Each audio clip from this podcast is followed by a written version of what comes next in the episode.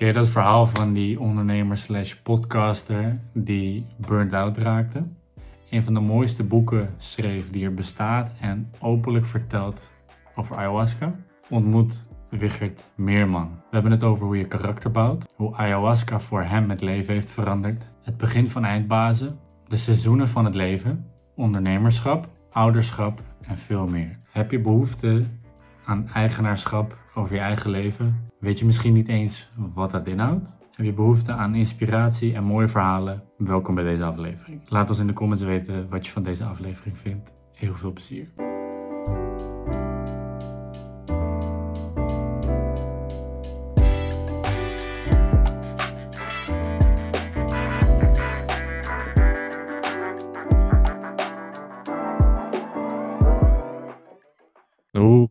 We dan nu toch gewoon beginnen, Mhm. hoe, eh, hoe is dat landschap veranderd?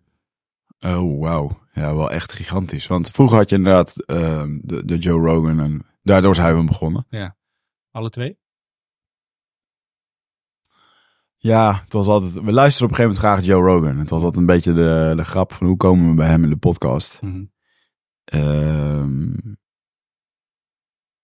toen, toen dachten we, ja, die kans is, is moeilijk, is lastig.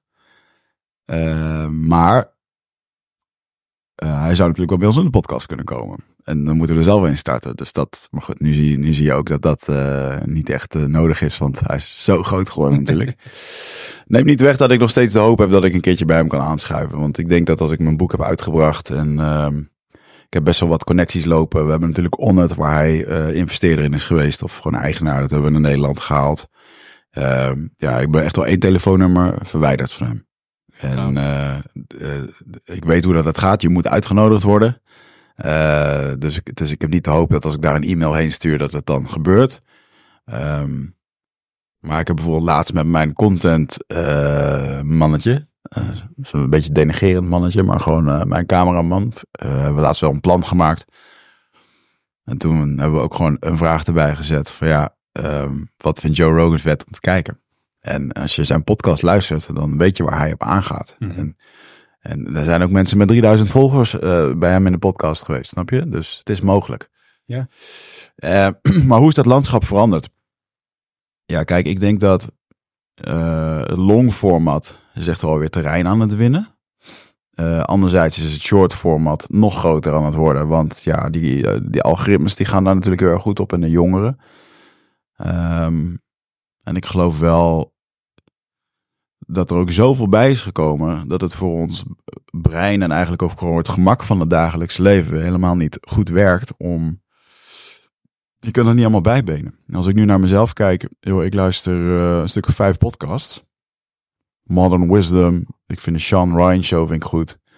Eh ligt eraan welke afleveringen, maar eh, ik vind eh, Tim Ferriss heb ik eigenlijk nu bijvoorbeeld al twee jaar echt niet meer geluisterd. Ehm, wel een keertje met ehm, de aflevering over Atomic Habits met James Clear. Ja. Ja, waarin dus beschrijven ze dan heel mooi in hoe dat ze zo'n boeklancering doen. Ja, dan, heeft, dan ben je heel specifiek aan het zoeken.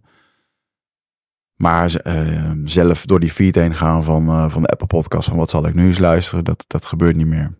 Dus ehm, Dat had je wel.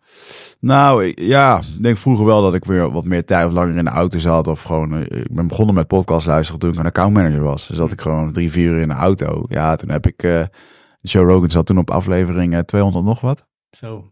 Ja, dus toen ben ik wel, op een gegeven moment was ik gewoon bij, zeg maar.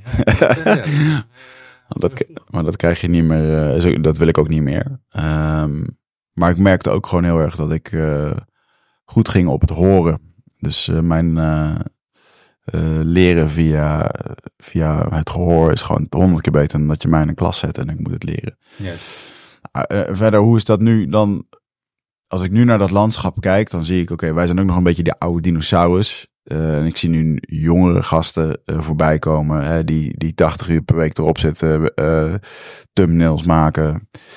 Eh, we hadden het net over de, CEO, de Diary of a CEO, die 300 thumbnails maakt voor één aflevering. Die ze van tevoren testen. Ja, wauw. En, en er Sterker nog, ze doen hem andersom. Hè? Mm, Dus ze testen eerst ja, wat voor thumbnails werken en daar koppelen ze een onderwerp aan vast. ja. En dan komt het interview pas. Ja, ja, dat is Bizar, hè? bizar. Dus dat, dat, dat is gewoon een sport, snap je? En ik snap ook wel, daar moet je ook niet mee vergelijken. Want ja, ehm, als er een multimiljonair achter zit en die dat, hè, dat of een Alex Hormozy, weet je. Ja. Die ook gewoon zegt, ik maak één, één, uur, één uur per dag eh, content. Of één dag in de maand maak ik content voor heel de maand. Ja, no way man. Het is gewoon niet, het is niet zo, weet je. Eh, ook omdat hij dat team heeft ingericht. En, eh, maar goed, ik vind dat wel heel leuk. Dat, dat, dat prikkelt om nieuwe content te maken. Ik geloof dat er in Nederland nu heel veel podcasts worden opgetuigd. Eh nou, de gemiddelde aflevering die struikelt na de dertiende. Omdat het gewoon ook is dat je gooit dit straks in de lucht. En op Spotify zit niemand likes te geven of eh, te delen of wat je dan ziet. Dus het is voor veel mensen een soort van, eh, ja, luistert er wel iemand? Oh, er luisteren maar 4000 mensen. Ah, with all due respect, als je 4000 mensen eh eventjes in hun oor kan fluisteren, dat is echt veel. Ja, ja En- zeker weten. Heel veel. En, Ja. ehm, en ik moet zeggen dat ik zelf wat minder gevoelig ben geworden voor de luistercijfers. Want ja, weet je, ik heb eh, podcasts die, eh, die duizenden keer op YouTube bekeken zijn. eh, Maar waar ik wel retreat tickets mee verkoop. Ehm, ten opzichte van een Elliot Huls die ik heb geïnterviewd in Amerika. Waarvan ik dacht, ah, dit is vet, weet je wel. Was toen echt een, een rolmodel voor me, een coach. Nu is hij daar een beetje, heeft hij een andere plek daarin. Maar ja, nobody gives a fuck. Niemand luistert dat, vindt niet interessant. En weet je wel. Dus dat is een beetje, dat is wel grappig hoe dat, dat gaat. En je komt daarin wel ehm, in een gevaarlijke stroom. Dat het, eh, het publiek bepaalt of dat het goed is. En ehm, ik geloof dat eindbazen hebben altijd best wel eigenwijs gedaan. Gewoon, wij vinden het leuk. En daarmee is het echt groot geworden. Mhm. En ik, eh, ik geloof dat ik ook zeker vatbaar geweest, ben geweest voor dat virus van oké, wie is nu een goede naam om uit te nodigen? En we moeten groeien met likes en dingen. En, en ja, soms is dat ook wel eens jammer, want dat, dan, dan wordt het een soort ehm, strevend, strevend project of zo. Terwijl ehm, het is veel relaxter als het dat niet heeft. Een heel mooi voorbeeld, Joe Rogan heeft dat bijvoorbeeld ook niet. Nee. Die wil gewoon goede gesprekken voeren. Ja. En, eh, en in het begin ben je nog wel eens blij dat je iemand die een boek heeft geschreven aan tafel krijgt. Mhm. Ja, nu krijg ik wekelijks boeken opgestuurd en ik gooi ze gewoon in de prullenbak. Want ja, weet je, En te veel. zijn er te veel, kan er niks mee, ik ken ze niet. En ja, en dat is niet, ik heb gewoon geen tijd voor, weet Nee. je. Nee, Dus, dus, ik kan ehm, me wel voorstellen dat dat verandert, ja. Maar ik had toevallig gisteren bij Stefan Struve, Aha. bij jou ook bekend. En eh, ik, ik kan me wel voorstellen dat misschien eh, het landschap sneller verandert dan dat je zelf doet. Ja, zeker. Ja, Ik zie nu de jonge, de jonge contenthonden. ja, Ik had vorige week een gesprek met, met Koen van Lotgenoten. ja. Ja, weet je, die zitten, die zitten daar middenin. Lekker grinden, 80 uur per week, hup, al die thumbnails, dingen erop. En, en, maar goed, dan zit je ook met z'n tweeën daar fulltime op. Eh Super mooi dat ze dat doen. En die willen daar ook een mediabedrijf van maken. Dat zijn ze al. Ja. Ah, ik hoef dat niet te zijn. Nee, En, precies. eh, maar die weg hebben we wel proberen te bewandelen. Want het lijkt heel makkelijk. Hè? De, op een gegeven moment komen er heel veel kansen op je af. Ehm van ja, we kunnen wel advertenties verkopen met de podcast. Ja, dat kan zeker. Maar je moet ze wel verkopen. En, ehm, en dat gaat niet vanzelf. En dan moet je dus in één keer 15 mensen per week gaan bellen. En we kijken natuurlijk naar Joe Rogan die 75.000 euro per podcast verdient. Maar ja, dat, dat bereik hebben wij hier dus gewoon niet. Nee. Ehm, dus ik geloof wel, eh, ik geloof ten eerste dat je het niet moet doen, het podcasten voor het geld. Ik geloof wel dat als je het consistent doet en je doet dit vijf jaar, ja, dan zit je bij de top 10%. Hoe dan ook, als je consistent blijft, eh, blijft podcasten. En eh, ja, dat is leuk om dat te zien als mensen dat echt eh, willen doorzetten.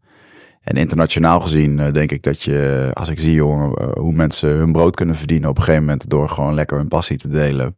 Ik zit nu een beetje in, de, in het off-the-grid wonen, dat soort dingen. En ik zie van die video's voorbij komen van mensen die daar gewoon van leven, van dat soort cursussen. Gewoon eigenlijk hun levensverhaal publiceren aan de wereld. En dan vertellen, wil je dit ook? Eh, nou, dan hebben we een leuke cursus, wat dan ook. Ja, dat is grappig dat mensen dat nu gewoon doen. Ja, dat is wel het mooie inderdaad van, eh, eh, Ja. van gewoon social media en nu gewoon het internet. Ik kan me herinneren dat ik luisterde veel Gary Vaynerchuk. Mhm. Heb je denk ik ook veel gecheckt. Ik zat er net aan te denken dat hij toen heel mooi zei van, joh, we moeten echt die de- definitie van succes, die moet gewijzigd worden. Ja, Die, die drie ton, drie miljoen, bla bla bla. Maar als je gewoon 60.000 euro per jaar zou kunnen verdienen met, eh, met je off-the-grid projecten Ja. verkopen aan mensen. echt hè? Hoe relaxed. Ja. En ja, dat, Ja. dat gun ik iedereen. Ja, zeker. Nou ja, en Misschien ken je deze dan ook wel. Het wordt een soort van eh, name dropping. Maar Kevin Kelly, eh, Nee, ken ik niet. een go- goede vriend van Tim Ferriss. Mhm. Misschien ken je hem. Hmm. Ehm, hij schreef het artikel 1000 True Fans. Hmm. En Ja, dat dat, men heb, dat heb ik wel weer toegepast dan. Ja. Ja. precies. Nou ja, dat mensen altijd denken van, oh, we moeten heel veel fans hebben. Maar hij schrijft eigenlijk gewoon duizend fans. En maar dan echt dedicated fans. Die bereid zijn om 100 euro per jaar in te besteden. Is een inkomen van, van een ton per jaar. ja. Is natuurlijk even heel plat gezegd. Maar hij, hij maakt het wel heel simpel en klein, zeg maar. ja. En eh, ik denk dat het wel echt gewoon echt haalbaar is. Als je het schaalbaar maakt over de hele wereld. Ja. Is dat wel gewoon, eh, ja, ik denk dat het voor heel veel mensen wel weggelegd is. Ja, 100%. Ja, maar goed, consistentie, dat is het. eh, Ja. Ja. En dat is wat, eh, eh, dat, dat vind ik wel mooi.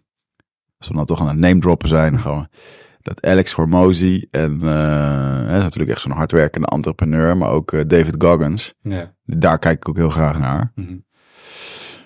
Ehm, dat ze toch gewoon vra- dat ze blijven hameren op het stukje eenvoud en, ehm, en, en, en ja, de simpelheid ervan. En dat vinden mensen niet leuk. Ja, dus heel veel informatie tot je nemen. Ik ben er zelf ook schuldig aan. Oh, hier nog een cursusje. Oh, dit dan even doen. Oh, dat. Nieuwe informatie. En iedere keer kom je eigenlijk tot de conclusie. Ah, er zit een andere intro achter. Hij vertelt zijn eigen unieke ervaring. Super interessant. Maar vervolgens is het toch weer een beetje hetzelfde principe. ja. En ehm, ja, dat is, dat is vervelend. Ja. Dat, ehm, zeker. Boring stuff is, eh is Ja. van Alex. Ja, zeker. Maar goed, nu, ik ben er steeds bewuster van. Ik ben eigenlijk wel blij ermee. Want eh, ik ben dus niet meer op zoek naar veel nieuws, zeg maar.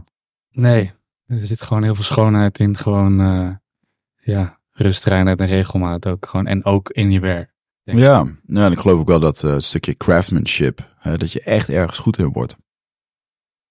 Dus ik zie nu ook een beetje, ik wil nu een beetje, we hadden het net over een, eh, een, een potentiële Engelse slag of een, een nieuwe show opzetten of wat dan ook. Ja, het is niet eh, dat dit allemaal voor niks is geweest. Dit blijft gewoon bestaan. Ik heb ook een jaar afstand genomen van eindbazen. En grappig genoeg denk je dan ook dat, dat je dan één keer niet meer relevant bent of dat het instort. Maar podcasts blijven gewoon online staan. Ja. YouTube draait gewoon door. En ehm, ik krijg nu wel eens van mensen te horen die dan wel later een keer inchecken van, "U, ben jij nou gestopt, weet je wel? En eh, ik zit er echt alweer bijna een jaar in. dus dat is grappig hoe dat, dat, eh, hoe dat, dat gaat. Ehm, dus ja, het heeft mij ook wel wat, eh, wat, wat makkelijker erin gemaakt. Je wil gewoon vooral niet afhankelijk worden van, van de, hoe zou ik het zeggen, de, de grote machine. Mhm. Dus dat je echt afhankelijk bent van de inkomsten, de YouTube. nee, precies. En dat is ook een verdienmodel. Eh, goed, alles heeft een voordeel en een nadeel. Maar zeker omdat dat zo uit je handen ligt, is dat een hele gevaarlijke. Ja. Ja, wat- Rick Rubin altijd zegt van de audience comes last. En dat is wel moeilijk als je er geld, als je ervan afhankelijk bent financieel. Ja. Ja. Ehm, maar ja, dat, dat is wel, ik vind creëren echt wel een van de mooiste spiegels die er, die er is. Mhm. Eh, en podcasten zeker. Ik, weet je, zeker aan het begin van de podcast. eh, ik bedoel, ik ben nog niet zo lang bezig, een jaartje. Hè. Mhm. Dan ging ik terug luisteren natuurlijk, reflecteren. En dan zag ik dat ik bepaalde vragen niet had gesteld. En toen dacht ik van, oh ja, maar dat is gewoon ook niet je plek in durven nemen in het gesprek bijvoorbeeld. Mhm. En eh, ja, ik vind dat, dat dat soort dingen, dat, dat kom ik alleen tegen in het, in het makerschap. Ja. Dat vind ik wel heel interessant. Het is, eh, super, spiegel, super spiegel op je kwetsbaarheid, op je durf, op Ja, durf je jezelf laten zien. je eigenheid inderdaad. Ja, want eh, er zijn natuurlijk heel veel creators die foto's maken van anderen. Ja. Terwijl eh, sommigen graag zelf eh, een verhaal willen, willen doen. ja. En ehm, Ook dat vind ik lastig eigenlijk. Want ik inderdaad, ik, dat, daar loopt Chris Williamson van The Modern Wisdom ook tegenaan. Dat hij zegt van, volgens mij was het in een van zijn laatste podcasts nog. Dat hij zei van, ik bedoel, ik ben altijd de vrager, weet je wel. mhm, En, eh, maar ik wil ook wel eens wat vertellen. mhm. Maar ja, wie ben ik dan? De podcaster die dan ineens zijn mening gaat geven? Hm. Dat is best wel, terwijl ja, je mag, wel- ja, je bent ook gewoon, Ja, het is grappig dat je dit zegt. ik heb veel over na zitten denken over ehm, wat gaat nou de strategie worden om straks mijn boek internationaal te lanceren. Toen dacht ik, nou moet ik gewoon een Engelse podcast doen, gasten uitnodigen en dan heb je daar een netwerk mee. Maar toen dacht ik, nee, ik ga nu eigenlijk, een, in Nederland heeft dat gewerkt. Hè, want op een gegeven moment hadden we gewoon een beslissing gemaakt. Ehm, we willen gewoon een stempel drukken in dat persoonlijk leiderschapsland. en, en uiteindelijk wrijft natuurlijk dat ook een beetje af op jou. nou, uiteindelijk hebben we daar wel een eigen stem, stem in gevonden. Ehm, toen dacht ik, ja, maar ja, moet ik nu weer 300 podcasts gaan opnemen met allemaal buitenlandse mensen om dat een beetje te doen? Terwijl als je kijkt bij Chris Williams en, en bij Tim Ferriss, het merendeel van de gasten heeft geen eigen podcast. Nee. Dus het is mogelijk. Snap je? En, en wat moet je dan doen? Ja, dan moet je dus gewoon zorgen dat je in dat vakgebied of dat je daar gewoon unieke content in maakt. En dus de, ik denk dat dat ook een veel leukere uitdaging nu voor me is. En dat je daarbij ook nog een keertje, het kan ook een NN zijn, maar ja. wel niet meer de solo podcaster. Dus ik snap, ik snap Chris daar heel erg in. Ja. ja. Nou ja, solo, je noemt nu solo podcast. Ik denk dat, want ik heb toevallig die gisteren nog gecheckt over Heerling van jou, die solo podcast. Mhm. Ik denk dat dat wel waardevolle dingen kunnen zijn rondom zo'n nieuw boek bijvoorbeeld. Of een boek in het Engels. Ja. Ik, ik denk dat daar wel, uh, want dan ben je niet, zit je niet aan, uh, aan de vraagkant. Mm. Ben je toch wel aan het zenden vanuit jezelf. Ja, zeker. Ja. Zo. Je, je noemt nu uh, persoonlijk leiderschap. Ik noem dat ook wel eens. Maar het valt me op dat heel veel mensen eigenlijk persoonlijk leiderschap, wat, wat is dat precies? Hoe zou je dat uitleggen? Hmm. Nou, ik denk ten eerste dat je gewoon uh, verantwoording gaat nemen voor hoe je denkt, hoe je voelt en hoe dat je handelt. Mm -hmm. En uh, kijk, er wordt natuurlijk mooi weggepoetst vaak op internet met doelen stellen en uh, dingen behalen en dat soort dingen. Maar als je jezelf niet leidt, dan word je gewoon geleid door je omgeving of door anderen of door, uh, ja, misschien wel door je ego of zo. doe je ook natuurlijk om mezelf, zelf niet. Maar ik denk dat je wat gewoon wat zelfbewuster daarin kan, uh, kan worden. En ik geloof dat, ja, de basis van persoonlijk leiderschap staat gewoon met zelfkennis. Jezelf een beetje leren kennen, waarom je bepaalde beslissingen maakt. En als je dat gewoon helder krijgt, ja, dan, dan heb je veel meer leiderschap, uh, leiding over je leven. Ja. Dat het leven dan vervolgens nog steeds allemaal dingen bij je op je bordje gooit waar je niet om hebt gevraagd of wat gewoon voorbij komt. Dat hoort daar ook bij. Maar als je dat helder hebt, dan, dan kan je daar ook weer toch weer een soort van leiding innemen. Ik zie toch wel dat heel veel mensen toch in de waan van de dag gewoon meegesleurd worden. Ja. En uh, ja, dat is toch wel zonde. Dan heb je ook niet het. Ik geloof niet dat het leven heel erg maakbaar is. Of maar tot zover. maar als je dat niet uh, toepast of beseft, dan, uh, dan word je helemaal meegezogen met, uh, met de zee van het leven. Ja, precies. Ja, ik, ik kan me nog herinneren dat ik vroeger, echt, ik weet niet hoe oud ik was, jong, mm. tegen mijn ouders zei van, zou je ook doen wat je nu doet, als je er niet voor betaald hoeft te worden. Mm -hmm. En ik, ik stelde die vraag zorgwekkend vroeg. Ik weet niet wat daar allemaal aan de grondslag ligt, maar ja, en dan zeiden mijn, mijn ouders, en niet alleen mijn ouders, maar ook de mensen om me heen, zeiden van ja, er moet gewoon gewerkt worden. Mm. En uh, in zekere zin begrijp ik dat. Ik bedoel, als de situatie erom vraagt, moet er gewerkt worden. Maar dat dat als een soort van normaal wordt gezien, daar kreeg ik altijd een beetje kriebels van. En ik dacht van, ja, ja waarom? We bestaan toch niet daarom? En als je dan de, die vraag stelt, okay, wat ga je daar dan aan doen? En wat voor keuzes horen daar dan bij? Ik weet niet of het een generatieding is hoor, dat kan natuurlijk ook. Ja, ik denk, denk het wel. ik denk dat mijn uh, moeder ook zo dacht. Ja. Um, kijk, en dat je binnen de kaders van je denken, van de veiligheid die je zoekt, want heeft het vaak mee te maken. De, en zeker die generatie. Zorg dat je werk hebt, want uh, ja. dit en dat, de recessie, de oorlog. Um, dus ja, als dat dan gewoon een kernwaarde is van... Uh, ik moet goed voor mezelf zorgen, veiligheid, uh, blij zijn dat je een baan hebt. Yo, ik heb op een gegeven moment mijn, mijn baan. Uh, wat was dat toen ook alweer? Ik heb op een gegeven moment een keer een baan heb ik uh, opgezegd ergens. Omdat ik dacht dat ik werd aangenomen als evenementenmanager bij een ander softwarebedrijf. Mm -hmm. Waar ik echt dik salaris ging verdienen. Mm -hmm. En uh, dat was via via. En ik dacht, uh, ik had het gesprek gehad. Dus ik denk, dat dit komt goed. En ik, ik weet niet wat, me bezielde. Heel veel mensen hebben dit ook tegen me gezegd, inclusief mijn moeder. Van, zeg je oude baan nou niet op? Nee, dit, dit komt goed. Kom naar via via. En uh, ik had een reis naar Australië geboekt. Want daar had ik net een jaar gezeten. En ik had altijd zoiets van, ik wil eigenlijk wel in Australië gaan wonen, werken. En toen werd ik ook wel verliefd hier. Dus toen dacht ik, oké, nou weet je, ik, maar toch, ik wil dat uh, ik wil toch daarheen om te kijken hoe dat, dat voelt. Dus ik had een maand al geboekt en daarvoor die sollicitatie gedaan. Uh, nou, uiteindelijk die sollicitatie niet gekregen. En eh, toen ben ik daarnaast eh, gewoon gaan werken eh, in een ploegendienst eh, in Os bij een, ehm, ehm, een magazijn dat allerlei telefoonaccessoires verzendt. Zo echt super gewoon een logistiek bedrijf.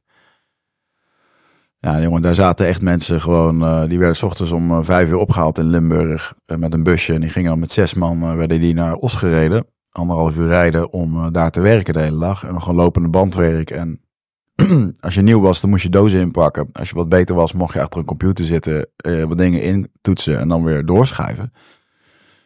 En ik zat daar gewoon om s'avonds mijn centen te verdienen en overdag te kunnen solliciteren. En dan probeerde ik ook echt te vragen aan die mensen van, joh, wat ja, is dit het nou, weet je wel? En die mensen zeiden, ik ben blij dat ik eh, werk heb, want ja, bij dit vorige bedrijf eh, ja, is fiet gegaan. Dus ik ben blij dat ik hierheen kan. Eh, het is goed hier. Het is relaxed werk. En wauw man.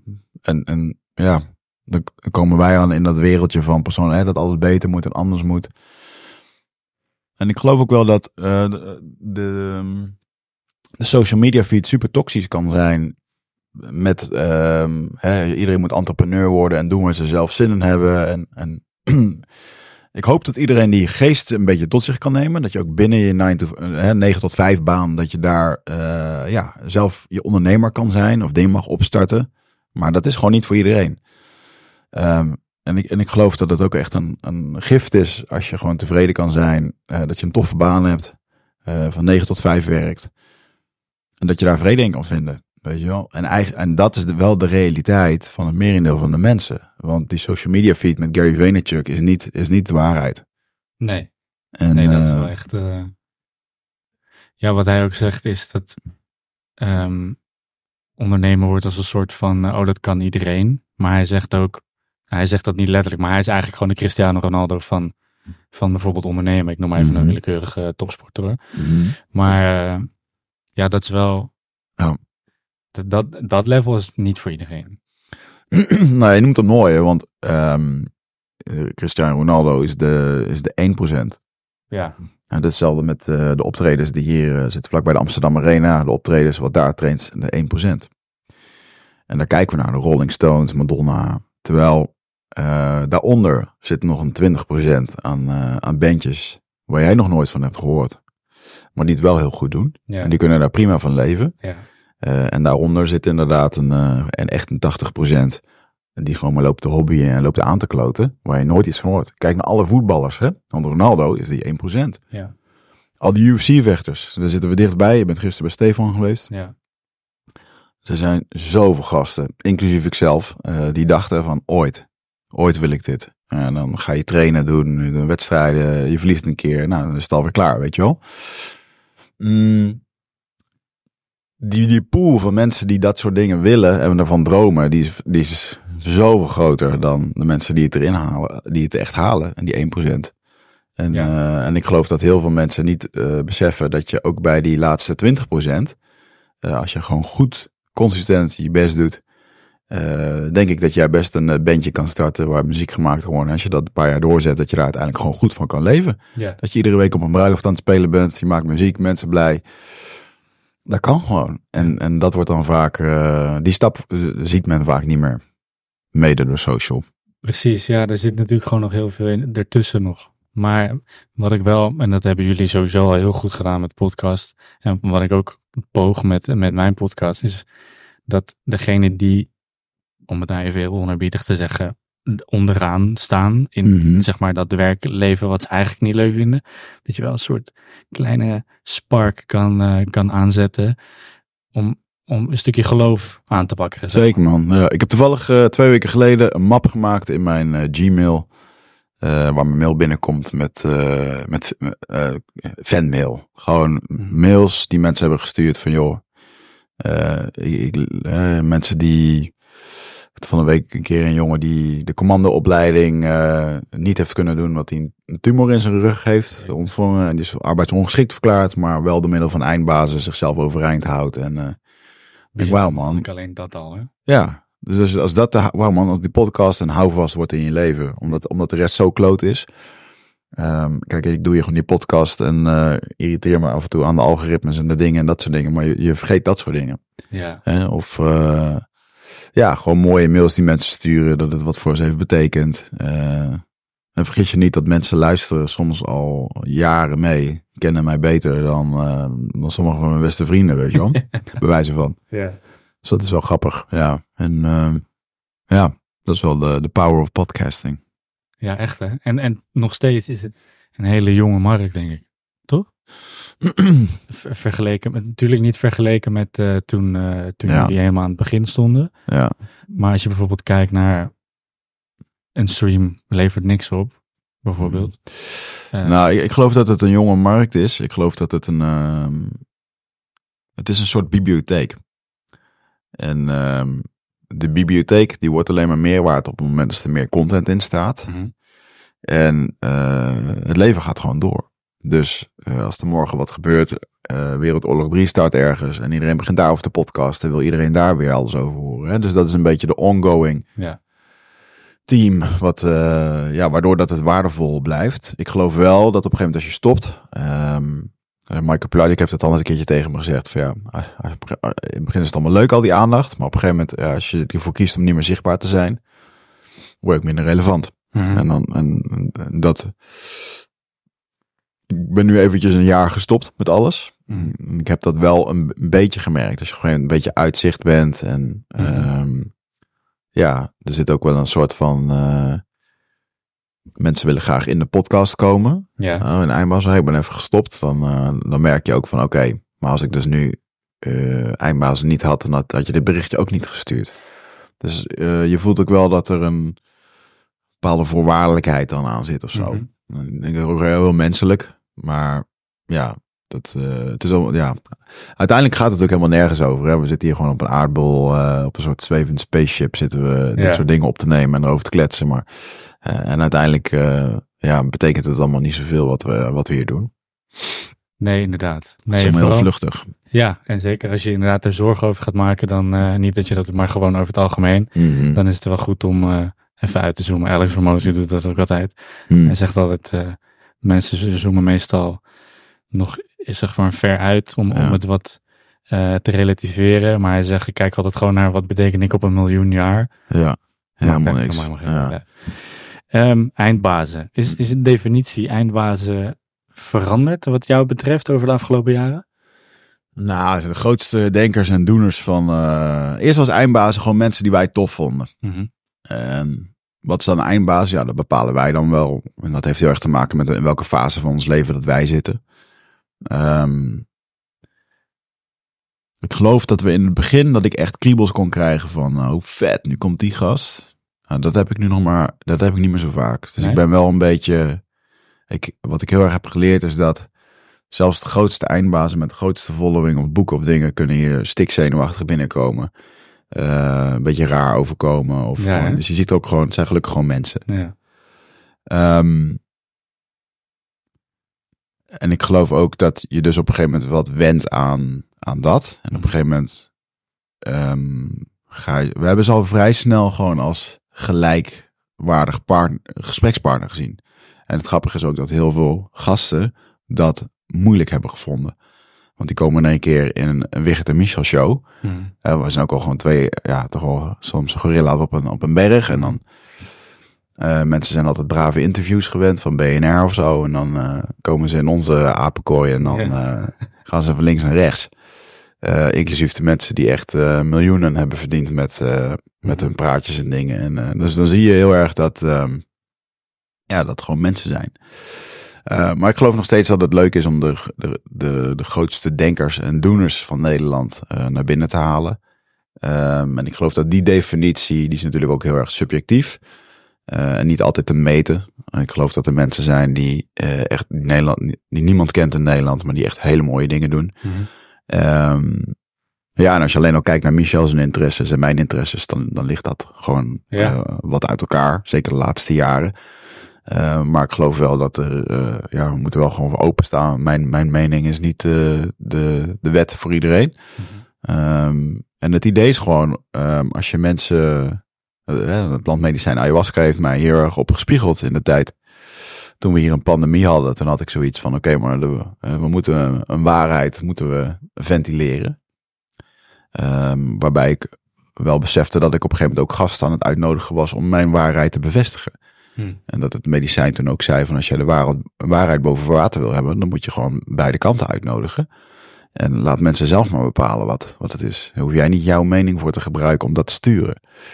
Dus dat heeft me wel heel erg ehm, wat soepeler gemaakt. En oké, dan gaan we dat gewoon, eh, ja, gaan we dat gewoon doen. En dan mogen mensen het zelf eh, bepalen. Mhm. Ik geloof dat dat heel sterk is. Mooi. Ja.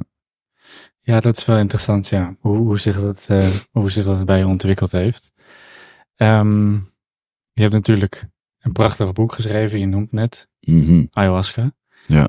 Eh, dit is niet omdat je nu tegenover mij zit, maar ik denk dat het, dat het het beste boek dat ik ooit gelezen heb. Hm, nou, mooi. Ja, eh, het is gewoon heel verhalend geschreven, heel beeldend. Ja. Ehm en voor de luisteraar, voor degene die het nog niet kent. eh, ik weet niet wat je hier doet als je het niet eh, het boek Koop het, koop het. ja, exact. Ehm, je hebt natuurlijk al heel veel, toevallig zag ik gisteren nog eh, de podcast met, eh, met Tim. Je hebt er natuurlijk al heel veel over het boek gehad. Ehm, ik denk ook dat je verhaal wat betreft eh, waarom je in ayahuasca terecht bent gekomen, al wel heel vaak verteld. Dus ik zou meer willen hebben over, ehm, ja, hoe, hoe, hoe gaat het nu? Hoe is de verandering? Hoe, hoe kijk je anders naar ayahuasca dan toen je net begon? Hoe vaak heb je het gedaan ongeveer? Is dat op twee handen te tellen? Nee, eh, meer dan honderd keer wel. Zo. Ja. Ehm, en mensen vinden dat, dat lastig om te begrijpen, maar ja, besef dan gewoon, ik doe dit al meer dan, ik doe dit bijna tien jaar. Eh, ben natuurlijk meerdere keren naar de jungle geweest, waar je Ja. gewoon iedere dag dat doet, omdat je daar bent voor dat en voor speciale rituelen. En eh, mijn pad is gewoon anders dan anderen daarin. Eh, voor mij is dit echt een, eh, ja, een way of life. Maar ik heb het bijvoorbeeld nu al eh, bijna twee jaar niet gedaan. Ben twee jaar geleden naar de jungle geweest. En ehm, voor mijn tweede boek waar ik mee bezig ben. Is er al een datum voor? Nee, nee. Ik ben nu weer echt aan het schrijven. Ja. Ehm, maar ja. ehm, kijk, wat ik al zei. Het leven ehm, brengt je af en toe gewoon eh, situaties waarin... eh, ehm, ja, waar je mee om moet leren gaan. En ik, eh, afgelopen jaar heb ik een heel pittig pri- privéjaar gehad. Daar kan Mhm. ik nog niet te veel over uitweiden nu. Straks wel tegen jou, maar niet, niet aan het publiek. Eh, waarbij ik ten eerste toen ik terugkwam uit die jungle, had ik zoiets van: oké, ik, ik hoef nu echt even helemaal niks met plantmedicijnen. De eerste keer. Nee, Oh, de nu de, afgelopen keer, keer, ja, ja. Twee, jaar geleden. Ja. En ehm, voelde gewoon goed. Ik hoefde het gewoon even niet. Eh, ik zat goed in mijn vel. En ehm, op een gegeven moment, eh, ik ben aan de slag gegaan met wat het boek mij, of, of wat het medicijn me had, daar had verteld. En eh, vervolgens gebeurden er echt een aantal dingen in mijn leven die gewoon heel heftig waren in de privésfeer. Ehm, ja, waarbij ik echt eh, de bewuste keuze heb gemaakt van oké, ik wil dit, ik wil dit eigenlijk wel gewoon zelf eh, doorvoelen, oplossen. Het is niet zo dat ik een extreme afhankelijkheid heb van het medicijn om dat dan te doen. Maar het past ook heel erg bij het tweede verhaal wat ik nu aan het schrijven ben. En dat is dat eh, ehm, ja, niet iedereen hoeft dit te doen, ayahuasca, om, om zichzelf te helen. Eh, ik geloof dat het heel sterk is als je jezelf helder op orde krijgt. Dat je eh, leert omgaan wat er in je, omgaat. eh, door middel van met een coach of een therapeut of, of, andere manieren. En eh, ik kan je echt vertellen dat ik de meest heftige, en misschien wel het meest heftige jaar van mijn leven heb gehad afgelopen jaar. Maar ook een van de meest helende ja, jaren. Gewoon met het besef dat, ik dat ik inderdaad zo gegroeid ben in hoe dat ik mezelf voel en hoe dat ik ook eh, een, naar gevoel of een vreemd gevoel eh, kan, eh, kan transformeren naar iets anders zonder een plantmedicijn. Ehm, en dat ik ook gewoon in een situatie ben geduwd waarbij ik niet kon, niet kon ontsnappen. En dat was eigenlijk ook een heel groot gift. Dat je gewoon met je rug met, naar de muur staat en gewoon het besef hebt van oké, ehm, het is kloten, eh, maar je zal er gewoon doorheen moeten. En eh, dat is natuurlijk niet altijd een gegeven, want heel veel mensen komen in een rotsituatie, maar hebben nog steeds een kans om te ontsnappen. Of kiezen ervoor om te ontsnappen. Alcohol, er niet naar kijken, andere vrouw, andere relatie. Andere, maar ik stond gewoon in een situatie waarbij dat niet zo was. En ehm, ja, dat was wel een, eh, dat is een hele leerzame school. Dus hoe kijk ik er nu tegenaan? Als je de voor eerste podcast van, van ik geloof nummer 10, eh, eindbazen aflevering nummer 10, daar gingen we met, eh met zwetende oksels, gingen we hier voor het eerst over praten. Daar, uiteindelijk wist dat supergoed ontvangen. Maar daar was ik ook echt een soort ambassadeur van het medicijn. Iedereen moet het doen. Ja, dat, dat ben ik echt al jaren niet meer. Nee. Ehm, en ik geloof ook in Nederland dat er een vloedgolf is aan gewoon slechte facilitators. Die er een potje van maken. Daar kan ik over meepraten. En ehm, eh, mensen die het heel tof vinden om op Instagram over eh, dat soort dingen te, te kletsen. Ehm, dat voor commercialiseren op een bepaalde manier waar ik niet helemaal achter sta. Ehm, ja, dus ik zie daar wel een, een vervuiling in dat landschap. Eh, maar anderzijds zie ik natuurlijk ook dat ik opgeleid word als een soort uit een puristen oogpunt, hè, echt bij de bron. En ik zie hoe dat de Indianen dat doen. En ehm, ik geloof ook wel dat er een hybride vorm ergens zal, eh, zal ontstaan. Ehm, ja, dus voor, mij heeft, eh, hebben plantmedicijnen dus gewoon eventjes een ehm, wat minder, eh, minder grote rol in mijn leven. Maar dat is ook echt wel gestuurd door het plantmedicijn. Ik weet zeker dat het plantmedicijn dit ook een soort van orchestreert voor mij, voor mij ook om te groeien. Omdat ik ook geloof dat, de, zoals de Indianen geloven in de natuur als hun god, eh, voor mij is dat ook gewoon het, het verhaal. En ja, ik geloof wel dat dit even het pad is wat ik nu moet eh, bewandelen. Ehm, en dat ik later weer een verdieping kan gaan maken in, eh, ja, in het plantmedicijn en ayahuasca en dat soort dingen. Ja. Nou, dat is ook een van de. ehm, ik ga nog naast het boek erbij pakken. Ehm, ik las dit boek terwijl ik een burn-out had. Mhm. Nou, je schreef natuurlijk al onder andere over jouw burn-out. Mhm. Ehm, en ik, ik zou niet zeggen dat dit de katalysator is geweest voor mijn eerste ayahuasca-ceremonie. Ik heb er één gedaan. Eh, maar het, heeft zeker wel geholpen. En wat ik er vooral van geleerd heb, wat je nu zegt, vind ik heel mooi, is ehm, dat het hem eigenlijk een beetje allemaal in seizoenen gaat ook. Dat je Ja. zegt van, eh, en, en dat je daar ook gewoon gehoor aan moet geven eigenlijk. Een beetje aan over moet geven. Ja, En vooral die overgave eigenlijk. Dat is wel iets wat ik heel erg eh, van het medicijn heb geleerd. ja. Ehm, maar volgens mij zei je in, in dat interview met Tim nog, of in een Mhm. eerder interview, is dat je ook vindt of gelooft dat dat echt in iets, iets een, een hoger iets raakt. ja. Eh, is, dat, is dat echt iets wat je zeker vindt? Of Niet dat ik daar een stelling in neem, hè, maar gewoon ja. Is het iets... Ik vind dat altijd lastig. Laat me eerst even uitleggen waarom ik de vraag stel. Mhm. Eh, laatst bij, het was bij Giel in de podcast, dat was Michiel van Elk van. School of Life. Mhm. En eh, hij is wetenschapper en hij, gaat over plan, hij schrijft over plantmedicijn en over spiritualiteit. Mhm. En hij, geeft, hij zegt eigenlijk dat je als goede wetenschapper, of nou over God gaat of over spiritualiteit, je, je kan niet zeggen dat het niet waar is. Want je Mhm. kan niet bewijzen dat het wel waar is. Mhm. Of, eh, en je kan het, het werkt beide kanten op, zeg maar. Ja. En dat- dat gevoel heb ik ook een beetje bij ayahuasca. Mhm. Is dat aan de ene kant, ik heb het natuurlijk ervaren. Als je het ervaren hebt, je kan bijna niet anders dan denken van, er bestaat iets groters dan wij. Ja. Maar ik ben me ook wel bewust van dat de omstandigheden er wel echt perfect voor gecreëerd worden om te denken dat het Ja, iets, iets, iets hogers is. Maar jij bent natuurlijk in, de- in, eh, ja. in de Ja. jungle geweest. Kijk, dat is de reden waarom ik niet eh, naar een groepje wetenschappers eh, ga om daar zes weken om mezelf op zoek te gaan, maar naar de Indianen ben gegaan. Ja, en ik me daar thuis voel en, en waar niet alles verklaard hoeft te worden. Mhm. Waar, waar mensen erover praten alsof het gesneden koek is. ja, Ehm, ik geloof ook wel dat wij als mensen ehm, heel erg gewired zijn om iets te aanbidden wat groter is dan onszelf. Eh, want dat geeft hoop, dat geeft kracht, ook in moeilijke tijden. Ehm, en ik, ik, ja, kijk, ik ben gewoon geen wetenschapper. Ik, ik hou van die nieuwsgierigheid en ik hou ook van die, hoe moet ik zeggen, dat ik van die realm hou, hè, van psychedelics. Daar ga ik ook zelf, zelf heel goed op. Ehm, mijn archetype is denk ik ook wel eh, ja, de zoeker. Eh, Degene die op zoek is naar waarheid of een antwoord. Eh, waarin je ook weer een kant hebt die ehm, te veel op zoek kan zijn en daardoor heel destructief wordt omdat er niks meer gedaan wordt. En dat er te veel wordt nog nagedacht en altijd maar mijmeren en altijd maar zoekeren. Ehm, ja, terwijl er ook een andere kant is die gewoon dingen kritisch blijft bevragen.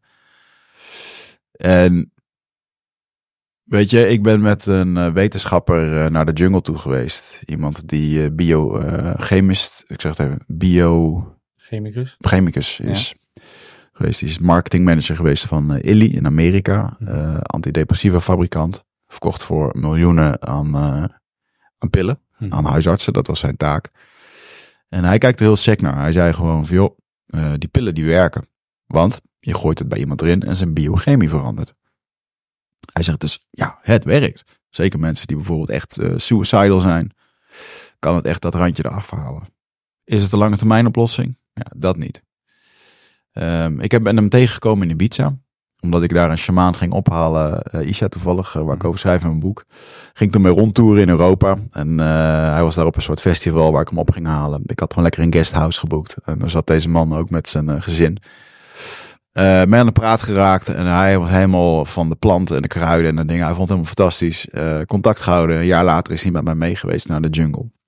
En eh, ja, dat was fantastisch man. Dat wij op een gegeven moment door dat bos heen liepen. En we hadden ayahuasca gedronken.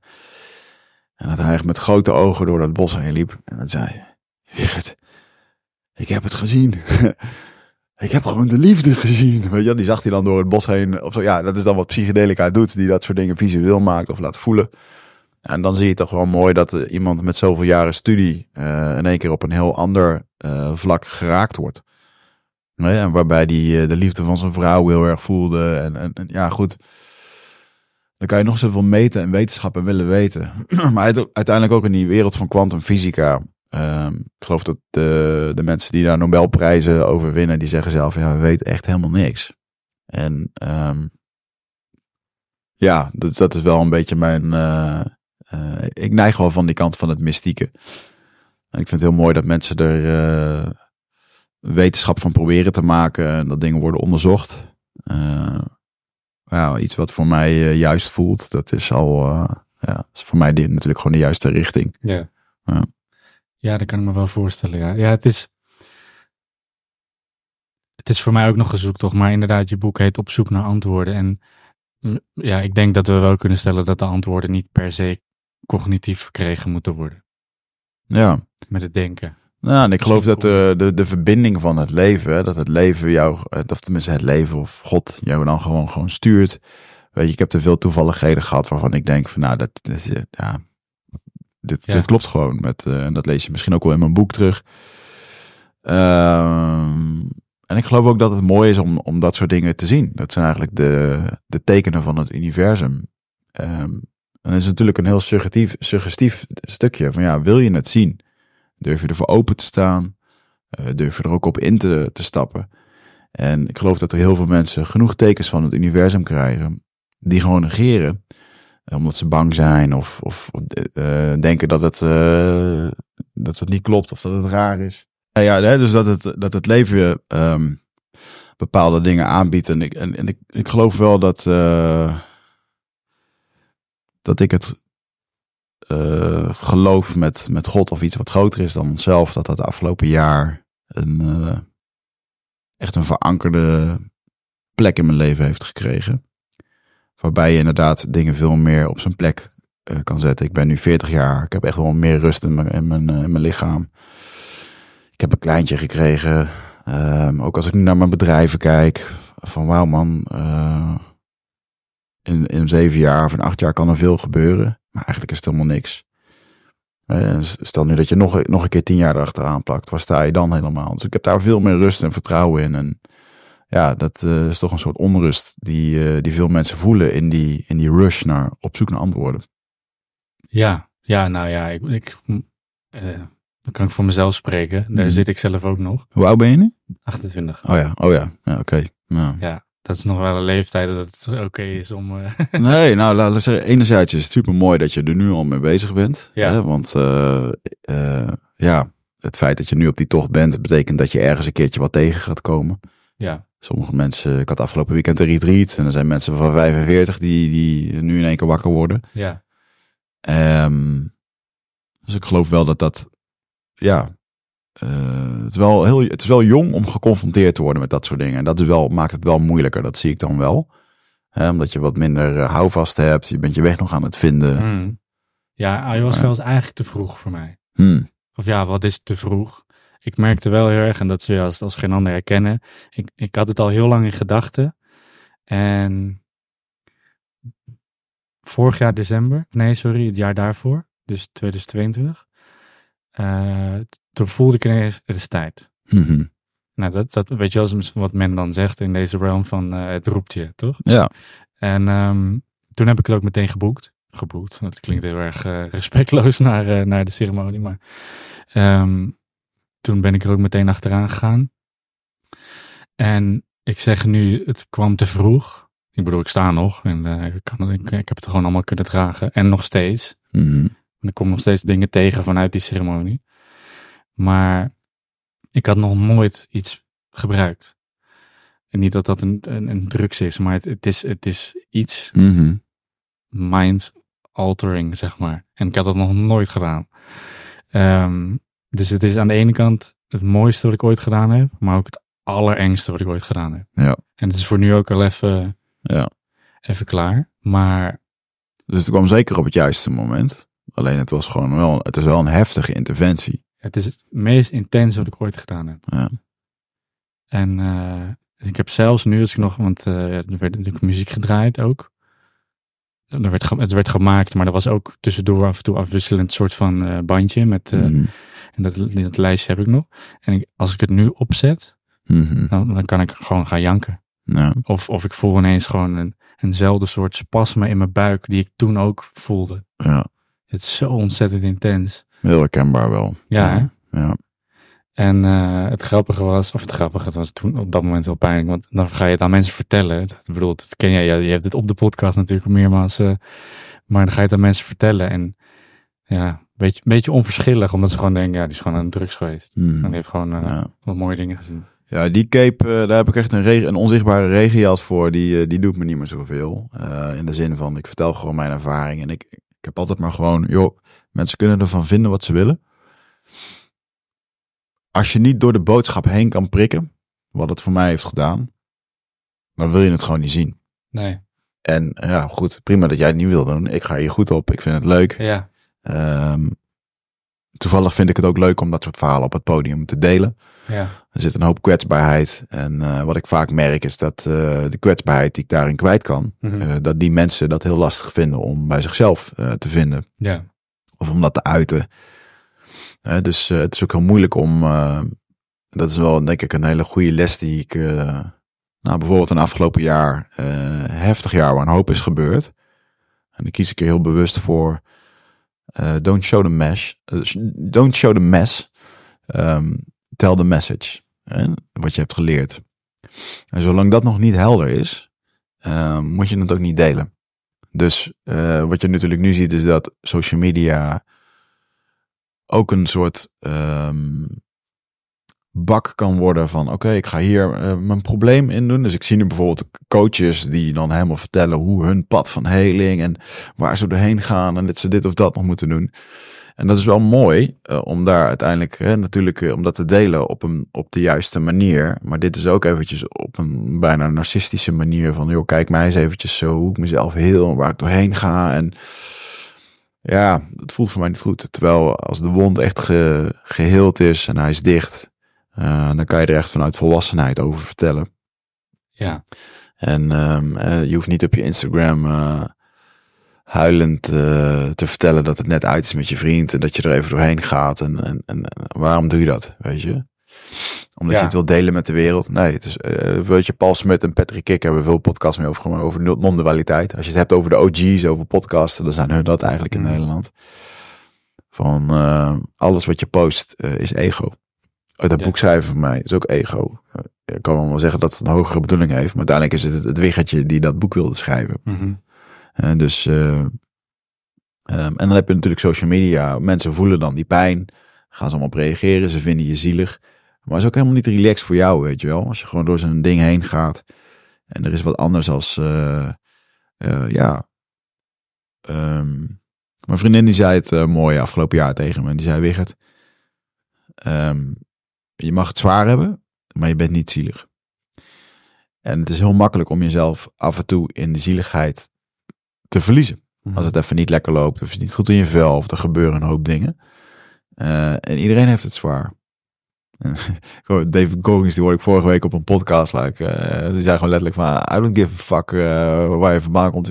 Je bent special. Ja. Maakt niet uit wat je hebt meegemaakt. Je bent niet anders, weet je wel. En dat, Mhm. dat is niet wat vandaag de dag gehoord maar, eh, wil worden. Nee. Maar het is wel de realiteit. Heb je die eh, David Goggins Huberman? eh, ja, was volgens mij was dat daar. Ja. Oh, die was wel intens hoor, die podcast in Ja. één keer, in één Ja. ruk eh, uitluisteren. Nou, dit is een mooi voorbeeld van weer zo'n gast in de 120 Ja. Of in de 1% die op 120 gaat. Ja. Ehm, en ik geloof niet dat het gezond is dat we onszelf vergelijken met Elon Musk, een Cristiano Ronaldo en een David Goggins.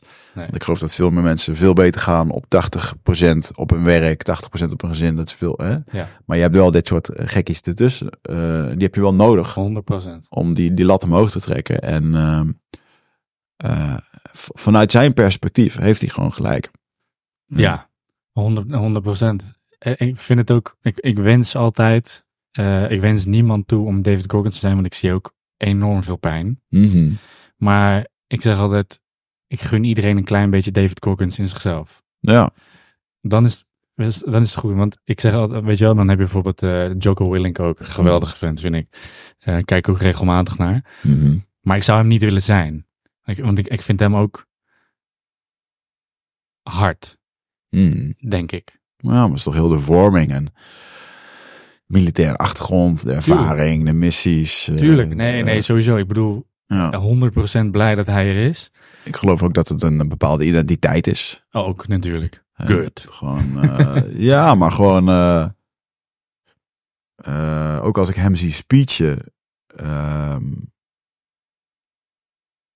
ik, het, het, het, zal, het, is, het is gewoon zijn karakter. Maar het, zie- het ziet er zo theatraal uit af en toe, weet je wel. En Ja. dat herken ik wel heel erg in, eh, in meerdere Amerikanen die dat patriotische. Hè, en, Mhm. een ehm, collega spreker, ehm, ehm, ben ik zijn naam even Ferry eh, over de Bataclan. eh, Ja, ja, ik weet wel wie je bedoelt, ja. Die, eh, die ging ook in Amerika spreken. En, en hij, daar is hij echt een terrorist survivor. eh, Ja. eh, terrorist attack survivor. En, dat, en je bent daar ook een cancer survivor. En, Ja, dat precies, heeft gelijk ja. daar. In Amerika kijken ze gewoon heel anders naar dat soort dingen. Ja, Dus Joko krijgt gewoon continu die thank you for your service en dit en dat. En ja, dan ben ik nog een beetje populair. En de Amerikanen zijn daar gewoon heel gevoelig voor. ja, Ehm, wat ik wel mooi vind aan David Goggins is gewoon de grind in, het, in de shadows. Ja, dus hij doet gewoon zijn ding. Ehm, niemand weet eigenlijk precies hoe of wat. En dat, dat maakt hem wel, ik vind hem heel veel authentieker. Ja. En eh, hij is een publiek figuur, maar eigenlijk is hij helemaal niet zo heel publiek. nee, Als in, hij zo min mogelijk podcast. ja. Hij doseert het wel een beetje. Maar want Joko is overal. Ja, was wel een bummer, want ik had laatst een keertje online gegooid van deze man heb ik binnen twee jaar in de podcast. En toen hoorde ik die podcast van ja, ik, ik doe maar twee podcasts per jaar. Toen dacht ik, en dan gaat hij niet bij Wigert Meerman zitten. Ik hoorde ook. Dus, eh, maar ik heb nog wel het, eh, eh, de strategie ehm, dat het heel goed zou kunnen werken als ik op een gegeven moment gewoon... Kijk, we hebben Jordan Peterson gehad, we hebben David Allen gehad.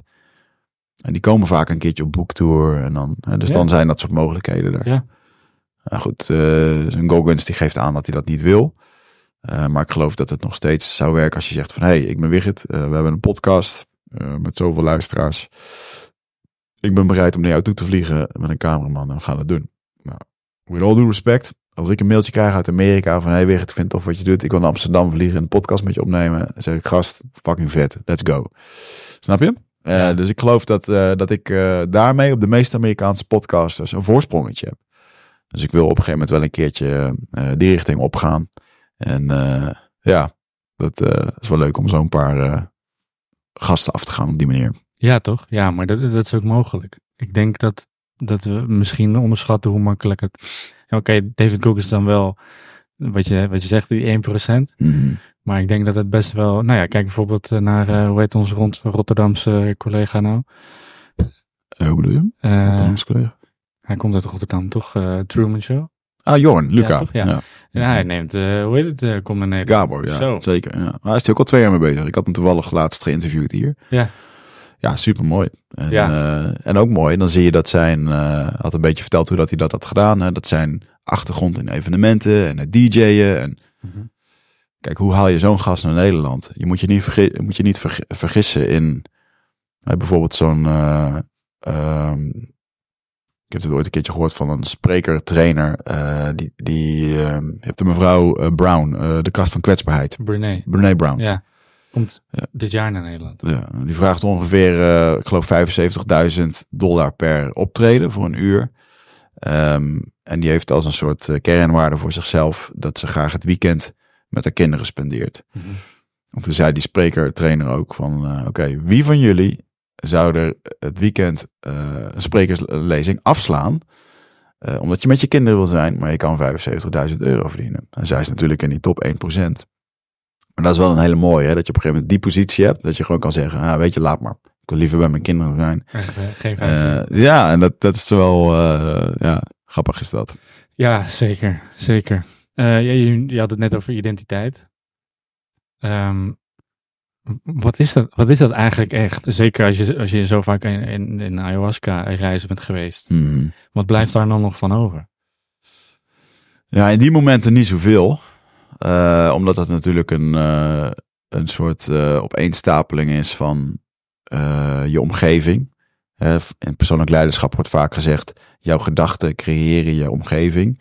Maar als jij geboren bent, heb je nog helemaal geen gedachten. En worden je gedachten eigenlijk gecreëerd ehm, door de omgeving. Zei ik het net andersom of niet? De, eh, je gedachten creëren de realiteit. Ja, ja. Maar je wordt geboren in een bepaalde realiteit. Mhm. En je bent nog helemaal bleu. Je bent een blank. Blanco canvas. Eh, je hebt nog geen gedachten. En dan is het dus de realiteit die jouw gedachten gaat vormen. Heb je een alcohol, alcoholdrinkende vader die niet aanwezig is, die agressief is. eh, nou, dan leer je al heel snel dat je je mond moet houden om, om niet te veel te zijn. Ehm, vervolgens komt daar natuurlijk. Ehm, ik zat vanochtend eh, nog vroeger even een podcast te luisteren van een eh, Engelse SAS-soldaat, de Engelse elite-commando's. En die zei, eh, vroeger, ik groeide gewoon op met Rambo en, en Arnold Schwarzenegger. En nou, van die generatie ben ik ook. Mhm. Hij zegt, toen begon mijn training al. en ik herkende het uit duizenden man, dat ik die film Commando honderd keer heb gezien. Dat naspeelde. En Zo vorm je jezelf. Want Mhm.